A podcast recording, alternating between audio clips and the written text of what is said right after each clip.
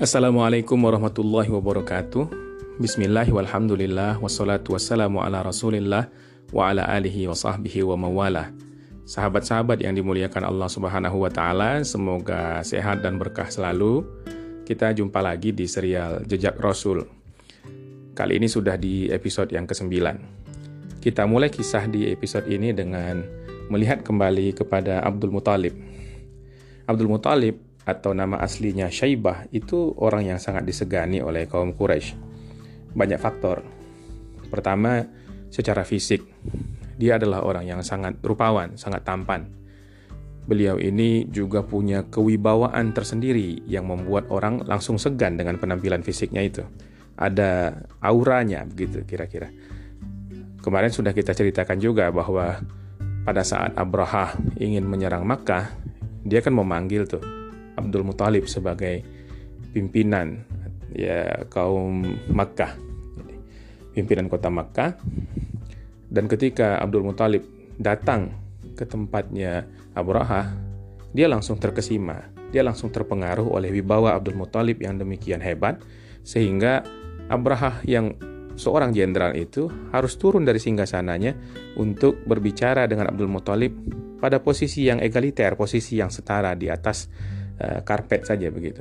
Jadi memang Abdul Muthalib ini secara fisik sangat mempesona. Yang kedua dia juga orang yang terkenal dermawan. Dia juga orang yang terkenal mumpuni kualitas leadershipnya. Dia orang yang bijaksana.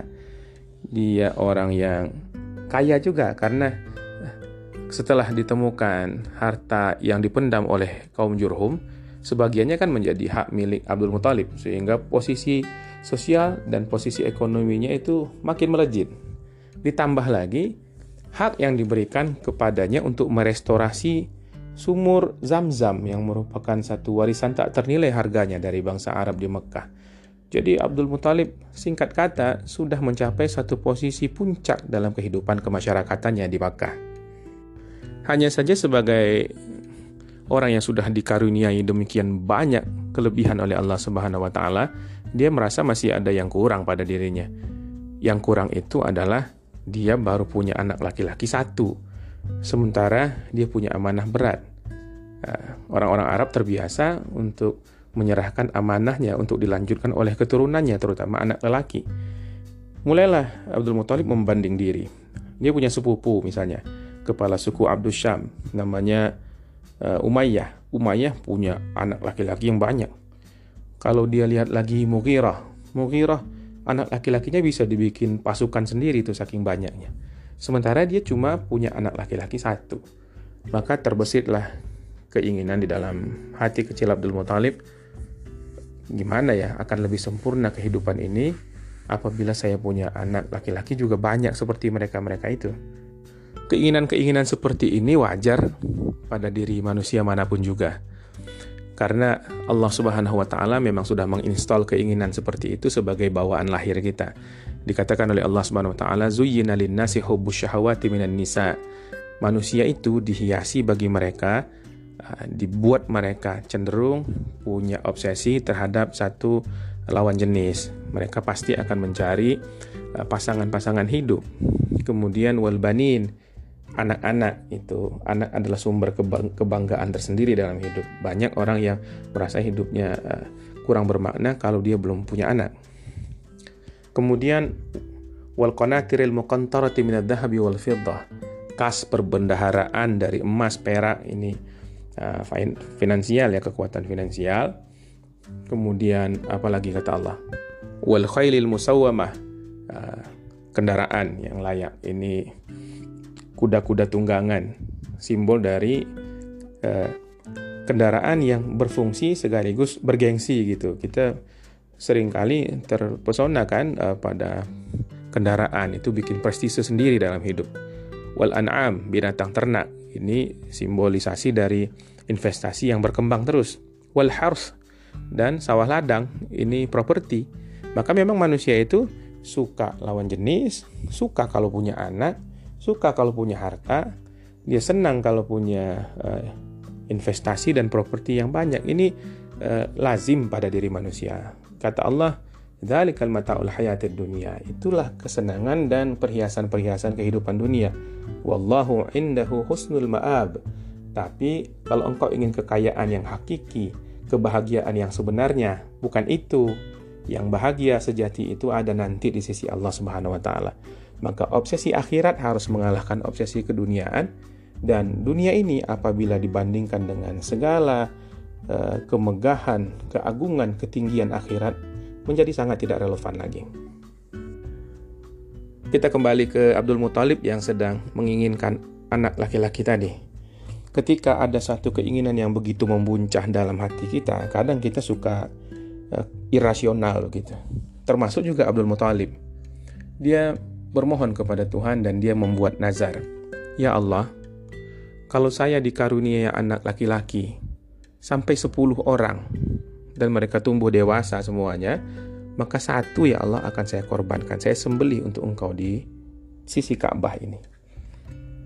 Mungkin saja dia mengira Allah uh, tidak akan memberikan anak sebanyak itu dan dalam tanda kutip janji ini gombal gitu.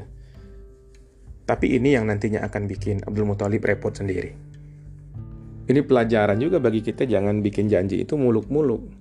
Nah, diukur dulu kemampuan kita baru kita ucapkan sesuatu. Apalagi janji kepada Allah Subhanahu wa taala.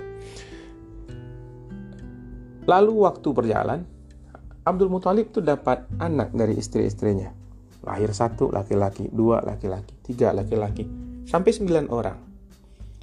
Ditambah anaknya Haris yang memang sudah ada, anaknya yang paling dewasa laki-laki, maka jumlahnya komplit 10. Di antara anak-anak yang 10 itu, Abdul Muthalib paling senang dengan Abdullah. Abdullah ini anak bungsu. Hati Abdul Muthalib cenderung sekali kepada anak ini. Begitu pula hati orang-orang lain. Anak ini memang buah hati kesayangan banyak orang. Wajahnya paling tampan, perilakunya paling baik, unggah-ungguhnya eh, paling sopan. Singkat cerita, orang sayanglah kepada anak ini. Abdul Muthalib pun mulai khawatir juga jangan-jangan nanti kalau saya penuhi nazar ini dan saya mengundi siapa anak yang harus saya sembeli, yang keluar malah nama Abdullah nih.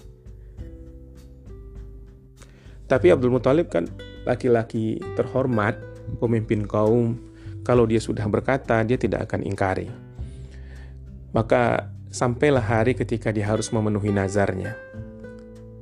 Dia datang datang ke Ka'bah, dia temui tukang undi yang resmi dari bangsa Quraisy ini. Jadi uh, di dalam kehidupan masyarakat Makkah pada saat itu ada akulturasi dan sinkretisme yang demikian akut ya.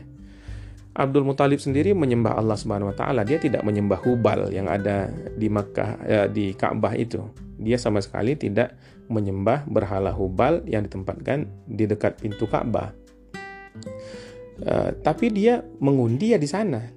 Kenapa? Karena itu dianggap bagian dari tradisi yang sudah diterima masyarakat secara luas. Nah inilah kadang percampuran antara tradisi dengan agama ini mesti kita lihat juga mana yang syirik, mana yang tidak. Kalau ini yang dilakukan oleh masyarakat Quraisy dulu jelas-jelas sudah menodai tauhid sebenarnya. Tapi di zaman di mana masa kerasulan sebelumnya sudah berlalu hampir 600 tahun dan Eh, sudah berlangsung masa fatrah kevakuman dari kenabian yang demikian lama, hal seperti ini memang wajar terjadi. Penyimpangan-penyimpangan itu bisa kita maklumi terjadi pada saat itu. Oh, nabinya nggak ada. Keadaan ini disitir oleh Al-Quran di surah Luqman misalnya. Allah mengatakan wala in sa'altahum man khalaqas samawati wal ard la Allah. Kalau engkau tanyakan kepada mereka wahai nabi, kepada orang-orang musyrikin Makkah itu, siapa yang menciptakan langit, siapa yang menciptakan bumi? Mereka pasti akan jawab Allah. Kesadaran mereka bahwa Allah sebagai Tuhan pencipta itu ada karena sisa-sisa dari ajaran nenek moyang mereka Nabi Ibrahim dan Ismail alaihi wassalam.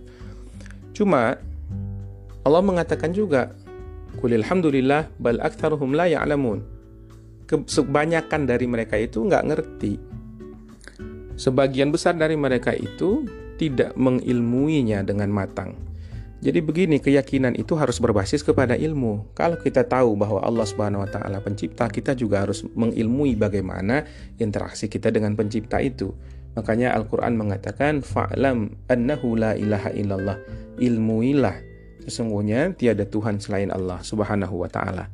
Nah, ketika keyakinan tidak dibimbing oleh ilmu, maka dia rentan tersesat. Nah, semoga Allah tambahkan kepada kita saya dan sahabat-sahabat semua ilmu di atas ilmu sehingga kita mendapatkan cahaya dan petunjuk selalu dari Allah Subhanahu wa taala. Balik kita ke kisah Abdul Muthalib yang sudah membawa anak-anaknya tadi. Dibawa 10 anaknya yang laki-laki ke dalam Ka'bah, lalu masing-masing anak diberikan anak panah, lalu anak panah diundi. Siapa di antara mereka kira-kira yang harus dikorbankan untuk memenuhi nazar ayahnya? Semua anak laki-laki ini juga patuh kepada bapaknya. Mereka tidak merasa uh, apa ya harus gusar dengan itu semua. Mungkin dia takut, tapi dia memahami bahwa janji ayahnya adalah janji mereka juga. Ini sikap kesatria yang dimiliki oleh kaum Arab, kaum Quraisy pada saat itu.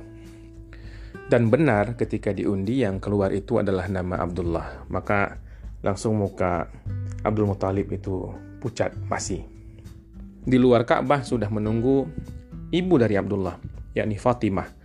Istri-istri Abdul Muthalib itu banyak dari suku yang di luar Mekah, kecuali Fatimah. Fatimah ini anak orang berpengaruh. Dia adalah orang terhormat dari Bani Makhzum, satu suku yang sangat kuat di kota Makkah. Dia adalah salah satu uh, bangsawannya Quraisy.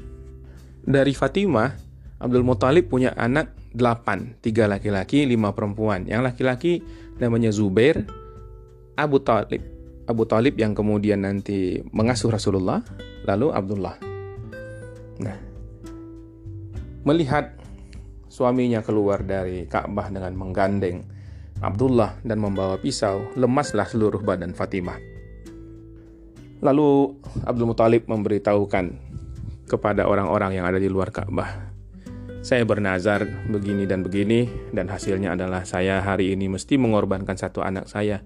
Dan setelah diundi yang harus dikorbankan itu dengan berat hati adalah Abdullah.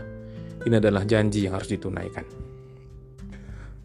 Semua orang berduka.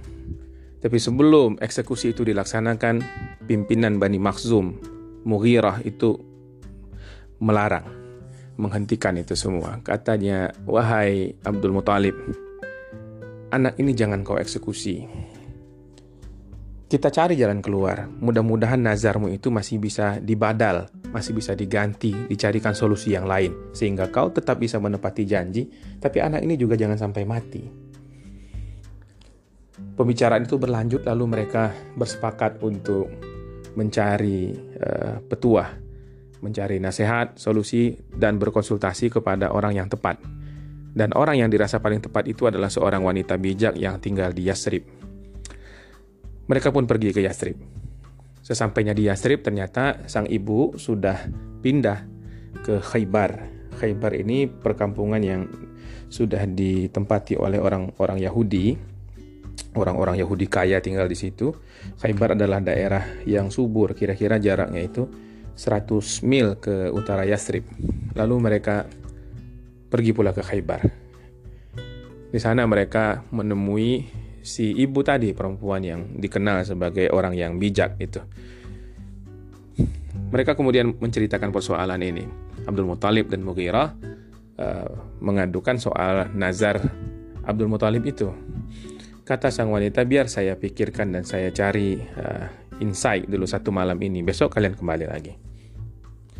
Nah, Abdul Muthalib pun tidak berhenti berdoa, mudah-mudahan ini ada solusi. Karena memang dia sayang betul kepada Abdullah ini.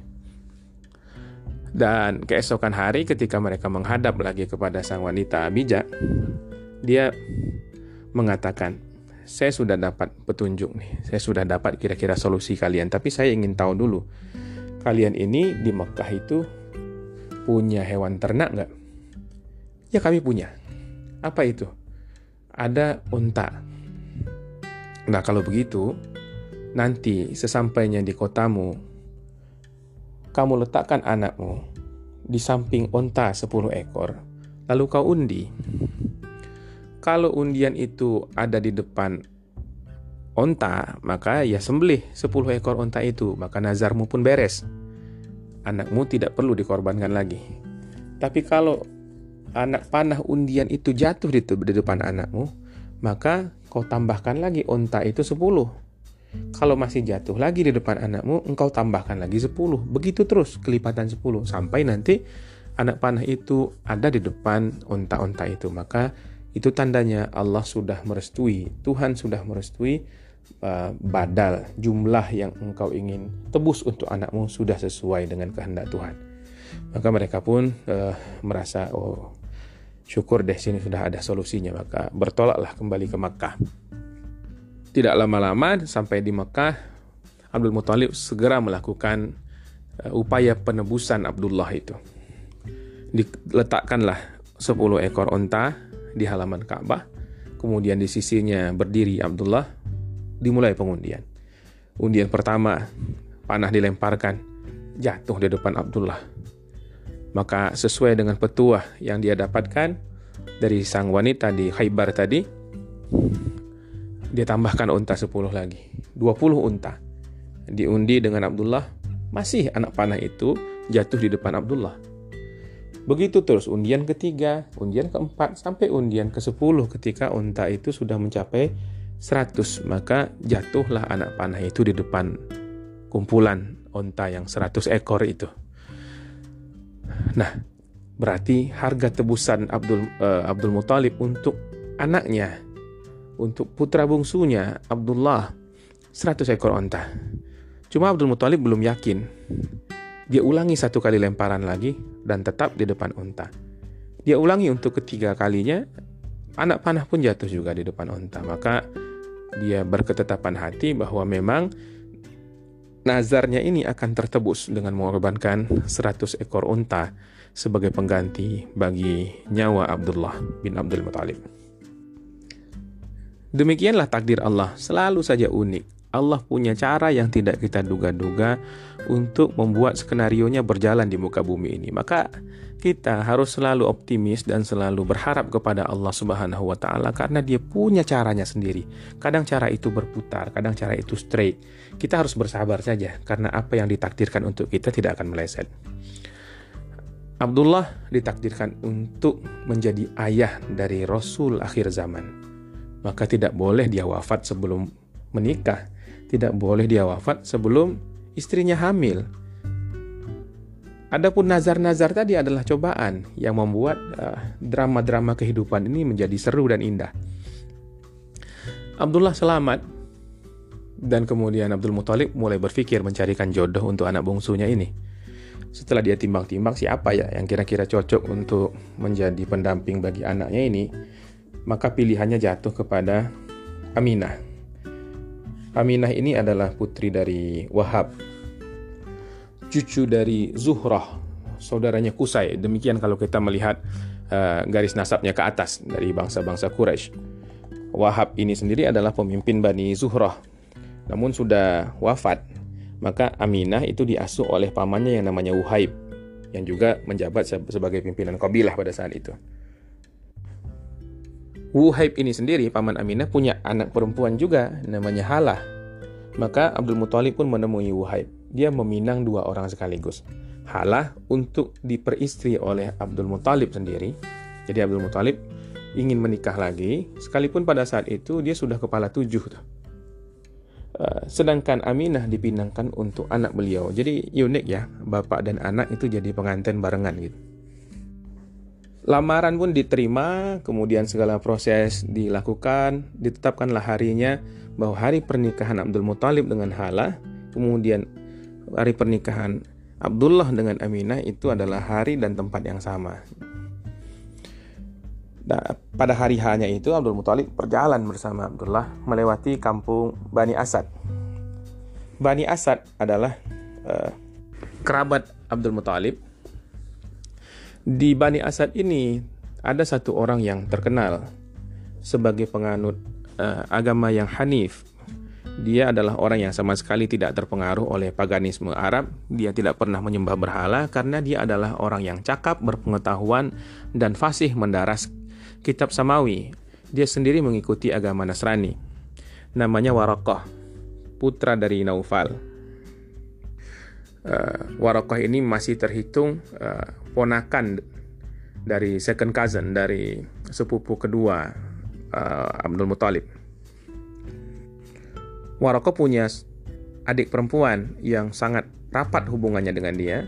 Dia sering berbincang dengan adiknya ini mendiskusikan banyak hal dan uh, dia sudah berbincang juga sering uh, mengatakan kepada adiknya yang bernama Kutailah ini uh, akan ada nabi nanti yang akan muncul dan saya melihat uh, kemungkinan nabi itu akan muncul di sini.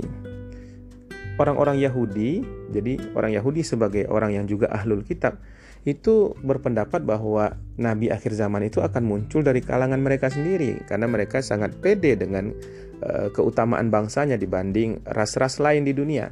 Tapi bagi Waraqah bin Naufal dia berkeyakinan bahwa nabi akhir zaman itu mungkin saja dari orang Arab melihat sudah rusaknya sistem keagamaan dan keyakinan bangsa Arab pada saat itu. Maka eh, eh, percakapan-percakapan ini mempengaruhi mental Kutailah. Dia jadi ikut meraba-raba dan menganalisa kira-kira kapan ya Nabi akhir zaman itu datang.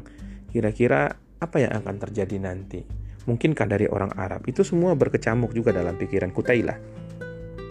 Nah, ketika Abdul Muthalib bersama Abdullah dua orang calon pengantin ini melewati kampung Bani Asad, Kutailah itu berdiri di depan pintu. Dia mungkin ingin melihat juga perayaan itu. Tapi ketika dia memandang dua orang yang lewat itu, pandangannya tertumpu pada Abdullah. Dia sangat terpesona. Waktu yang lain pun memang Abdullah mempesona. Kutailah juga sudah pernah melihatnya. Tapi sekali ini rasa itu beda. Maka dia mencoba dia panggil, "Wahai Abdullah." Abdul Muthalib dan Abdullah menoleh. Lalu Abdul Muthalib melepaskan pegangan tangannya dari Abdullah. Dia katakan seolah, "Coba kamu temui, ada apa?" Kutailah lalu bertanya, "Engkau mau ke mana?" "Ya, pergi bersama ayahku." Abdul Abdullah menjawab begitu saja. Dia sudah tahu uh, bahwa semua orang paham bahwa dia akan menikah pada hari itu. Tapi Kutailah tiba-tiba berkata satu hal yang di luar dugaan. Kamu di sini saja, jadikan saya istrimu. Dan engkau akan memiliki sejumlah kekayaan yang sudah kami siapkan untuk engkau. Kata Abdullah, tidak mungkin. Aku harus menuruti kata ayahku dan ini sudah kesepakatan tidak mungkin kami langgar lagi. Maka pernikahan pun singkat cerita dilangsungkan sesuai dengan rencana. Uh, pasangan pengantin ini Abdullah dan Aminah tinggal di rumah Wuhaib untuk beberapa waktu.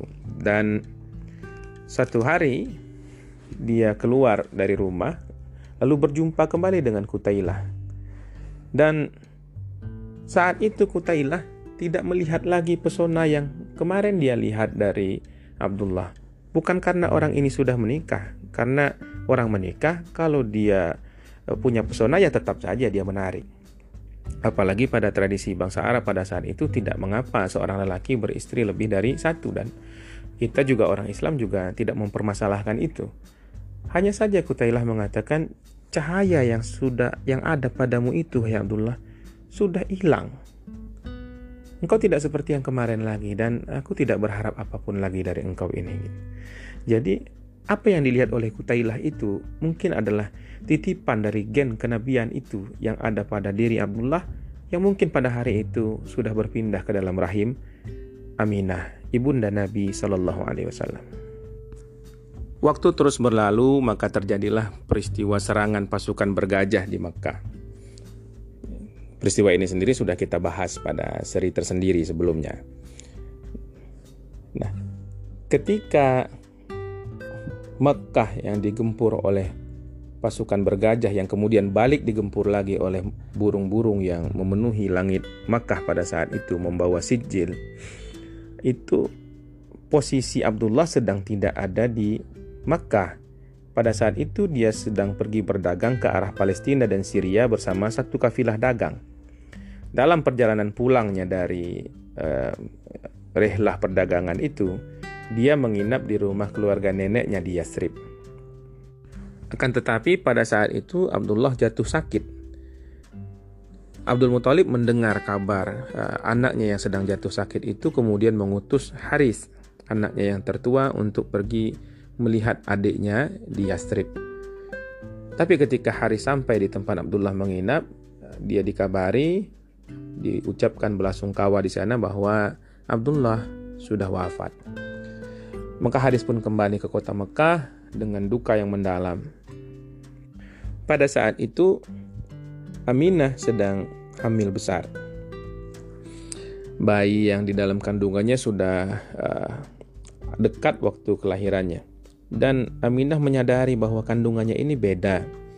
Dia sering sekali merasakan uh, ketenangan ketika dia hamil itu. Dia tidak merasakan susah seperti wanita-wanita hamil pada umumnya, tidak ada berat pada fisiknya. Artinya, dia tidak merasakan satu kesusahan apa pun secara fisik, bahkan dia merasakan satu kegembiraan yang berbeda. Secara mental, dia adalah orang yang sangat-sangat berbahagia pada saat itu. Dan dia melihat juga ada satu cahaya yang memancar dari tubuhnya. Satu hari, tubuhnya itu bersinar terang, sehingga cahaya itu memberikan visi penglihatan kepadanya uh, terhadap kastil-kastil Bostra di Suriah. Dan dia juga mendengar perkataan-perkataan, engkau mengandung seorang pemimpin seluruh umat manusia. Kalau dia lahir, katakanlah aku menyerahkan perlindungan anak ini kepada Tuhan yang satu dari segala kejahatan orang-orang yang jahat. Dan namailah dia Muhammad. Jadi sejak dalam kandungannya, ibu sang baginda ini sudah merasakan bahwa memang dia mengandung seorang anak yang sangat-sangat istimewa. Beberapa minggu kemudian lahirlah sang bayi. Inilah peristiwa Maulid Nabi kita Muhammad sallallahu alaihi wasallam. Dia dilahirkan di kota Makkah Al-Mukarramah di hari Senin. Perihal hari kelahiran ini Rasulullah sendiri yang mengatakannya dalam hadis riwayat Imam Muslim dari Abu Qatadah bahwasanya seorang laki-laki bertanya kepada Rasulullah SAW tentang uh, puasa Senin Kata Rasulullah, ya itu dzalika yaumun wulidtu fihi wa unzila alaihi fi wa unzila alayya fi. Uh, itu adalah hari kelahiranku dan hari unzila alayya fi diturunkan pada hari itu kitab kepadaku. Tercatat bahwa Nabi lahir pada bulan Rabiul Awal kendati ada perbedaan pendapat dalam tanggalnya. Ada yang mengatakan tanggal 12, ada pula yang berpendapat tanggal 2, ada yang berpendirian bahwa itu tanggal 9 dan ada pula yang mengatakan tanggal 10. Tapi detail-detail ini sebenarnya tidak terlalu berpengaruh bagi kita karena kelahiran itu sendirilah yang paling penting. Ini adalah sejarah terbesar dalam uh, kejadian umat manusia bahwa nabi akhir zaman manusia yang paling dicintai oleh Allah Subhanahu wa taala, pembawa risalah sampai dunia ini nanti kiamat itu telah dilahirkan ke muka bumi. Allahumma salli ala nabiyyina Muhammad wa ala alihi wa sahbihi ajmain. Kalau kita runut nasab Nabi Muhammad SAW, kita akan uh, menyusunnya begini. Muhammad, anak Abdullah bin Abdul Muthalib atau Syaibah bin Hashim bin Abdul Manaf bin Kusai bin Kilab bin Murrah bin Ka'ab bin Lu'ay bin Ghalib bin Fihir, Fihir ini yang berjuluk Quraisy, bin Malik, bin Nadir, bin Kinanah, bin Khuzaimah, bin Mudrikah, bin Ilyas, bin Mudar, bin Nizar, bin Ma'ad, bin Adnan. Nah inilah garis keturunan Rasulullah sampai kepada Adnan. Adnan sendiri uh, adalah keturunan Ismail yang ke-40. Jadi Nabi Muhammad SAW merupakan anak cucu Nabi Ibrahim dari jalur Nabi Ismail alaihissalam. Nasab ini adalah nasab yang sangat mulia sesuai dengan apa yang dituturkan oleh Rasulullah SAW dalam hadis riwayat Imam Muslim. Uh, kata beliau Inna Allah astafa kinanah min walad Ismail.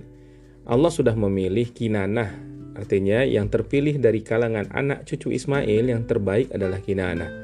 Wastofa Quraisyan min Kinanah. Di antara anak keturunan Kinanah itu nanti yang paling istimewa adalah Quraisy. Wastofa Hashiman min Quraisy. Di antara anak cucu Quraisy yang paling istimewa adalah Hashim. Wastofani min Bani Hashim. Dan Allah memilih aku sebagai orang yang paling unggul di kalangan Bani Hashim. Dan tentang kehormatan uh, keturunannya itu Rasulullah juga menyampaikan dalam hadis yang diriwayatkan oleh Imam Baihaqi Kharajtu min nikah kata Rasulullah, aku dilahirkan dari pernikahan. Uh, bukan dari sifah, bukan dari perzinahan dan keturunanku ini terbebas dari perzinahan mulai dari zaman Nabi Adam sampai kepada ayah ibuku. Tidak ada perbuatan-perbuatan zina meskipun di zaman jahiliyah pada terah keturunanku ini. Nah, nasab Nabi adalah nasab yang sangat bisa dipertanggungjawabkan dan lebih dari itu beliau adalah bangsawan kemuliaannya menjadi daya tarik tersendiri bagi masyarakat karena orang tidak bisa merendahkan beliau secara sosial dia adalah orang yang sudah sudah dari lahirnya uh, secara ascribe begitu mendapatkan status sosial yang tinggi di tengah masyarakat dan ini adalah salah satu uh, sarana tersendiri dalam memudahkan dakwahnya di kemudian hari. Nabi yatim ini sudah lahir. Allah katakan alam yajidika yatiman fa'awa. Bukankah dia dapati engkau dalam keadaan yatim lalu engkau dipeliharanya? Lalu pada hari kelahirannya itu ada beberapa peristiwa yang menakjubkan yang menandai bahwa memang yang lahir ini bukan orang biasa. Yang lahir ini adalah anak yang sangat-sangat istimewa. Ibnu Jauzi menyebutkan dalam Al-Wafa uh, bahwa Rasul menyampaikan ro'ats ummi ka'annahu kharaja minha nurun adha'at minhu qusur syam Waktu aku lahir itu seolah-olah ibuku melihat ada cahaya yang keluar dari dirinya yang menyinari istana-istana di negeri Syam. Kejadian yang lain adalah yang diriwayatkan juga oleh Imam Baihaqi dalam uh, Dalailun Nubuwah dan juga dibawakan oleh uh, ulama-ulama lain semisal Ibnu Jarir dan Ibnu Asakir bahwa pada hari kelahiran beliau itu api yang disembah oleh oleh kaum Majusi yang selama ratusan tahun tidak pernah padam pada saat itu padam. Jadi api di Persia padam. Pada hari kelahiran beliau itu pula, sepa, sepuluh dari balkon istana Kisra Persia runtuh. Beberapa gereja di Buhairah juga runtuh. Sebagian uh, riwayat mengatakan Kisra bermimpi bahwa 14 balkon istananya runtuh. Lalu dia bertanya takwilnya kepada para penafsir mimpi di Persia oleh para penakwil mimpi ini dikatakan umur kekisraan ini tinggal 14 kisra atau 14 raja lagi. Maka Kisra yang berkuasa pada saat itu pun uh, senang 14 generasi itu panjang. Tapi ternyata dalam empat tahun terjadi polemik politik yang berdarah-darah di Persia sehingga dalam masa empat tahun saja sudah 10 Kisra yang terbunuh. Maka kita ketahui nantinya Persia ditaklukkan di bawah kendali umat Islam. Di hari itu pula orang-orang Yahudi mendapat pertanda alam dari eh, bintang yang mereka lihat dan mereka meyakini bahwa bintang itu adalah pertanda nabi akhir zaman sudah muncul. Nabi pada saat dilahirkan oleh ibu beliau Sayyidah Aminah itu tinggal di rumah uh, paman sang ibu dan ketika dikabarkan kepada Abdul Muthalib bahwa cucunya lahir, dia segera datang dan Abdul Muthalib membawa sang cucu tersayang itu ke Ka'bah. Di sana dia masuk ke dalam Ka'bah, dia memanjatkan doa dan kesyukuran kepada Allah Subhanahu wa taala. Dan dinamailah anak itu dengan Muhammad, satu nama yang memang agak ganjil bagi masyarakat Arab pada saat itu dan orang merasa ini nama baru ini aneh ini. Abdul Muthalib sendiri baru dapat anak juga yang usianya hampir tiga tahun pada saat itu. Uh, tadi kita ceritakan bahwa bersamaan dengan pernikahan uh, Abdullah dengan Aminah, Abdul Muthalib pun menikahi Halah dan beliau dikaruniai anak bungsunya di sana. Dibawalah uh, sang putra ini, sang uh, maksudnya sang cucu ini kepada putranya yang terkecil itu, lalu dikatakan kepada uh, anak ini, ini saudaramu, engkau ciumlah dia Lantas sang putra bungsu Abdul Muthalib mencium ponakannya yang tidak berapa jauh terpaut umur darinya itu. Sang paman ini adalah Abbas bin Abdul Muthalib. Hubungan antara Rasulullah dengan Abbas memang sudah terjalin sejak masa kecil mereka. Demikianlah kisah hari ini tentang kelahiran Nabi kita Muhammad Sallallahu Alaihi Wasallam. Begitu banyak hikmah, begitu banyak peristiwa-peristiwa yang besar yang beriringan dengan kejadian ini yang menandakan bahwa memang nabi kita adalah nabi yang ditunggu-tunggu oleh semesta karena memang dia adalah bentuk cinta terbesar Allah bagi alam raya ini. Dia adalah cinta bagi semesta, dia adalah rahmatan lil alamin. Mari kita bersalawat kepada Nabi kita Allahumma salli ala Nabi Muhammad wa ala ali Muhammad kama sallaita ala Ibrahim wa ala ali Ibrahim wa barik ala Muhammad wa ala ali Muhammad kama barakta ala Ibrahim wa ala ali Ibrahim fil alamin innaka Hamidum Majid. Assalamualaikum warahmatullahi wabarakatuh.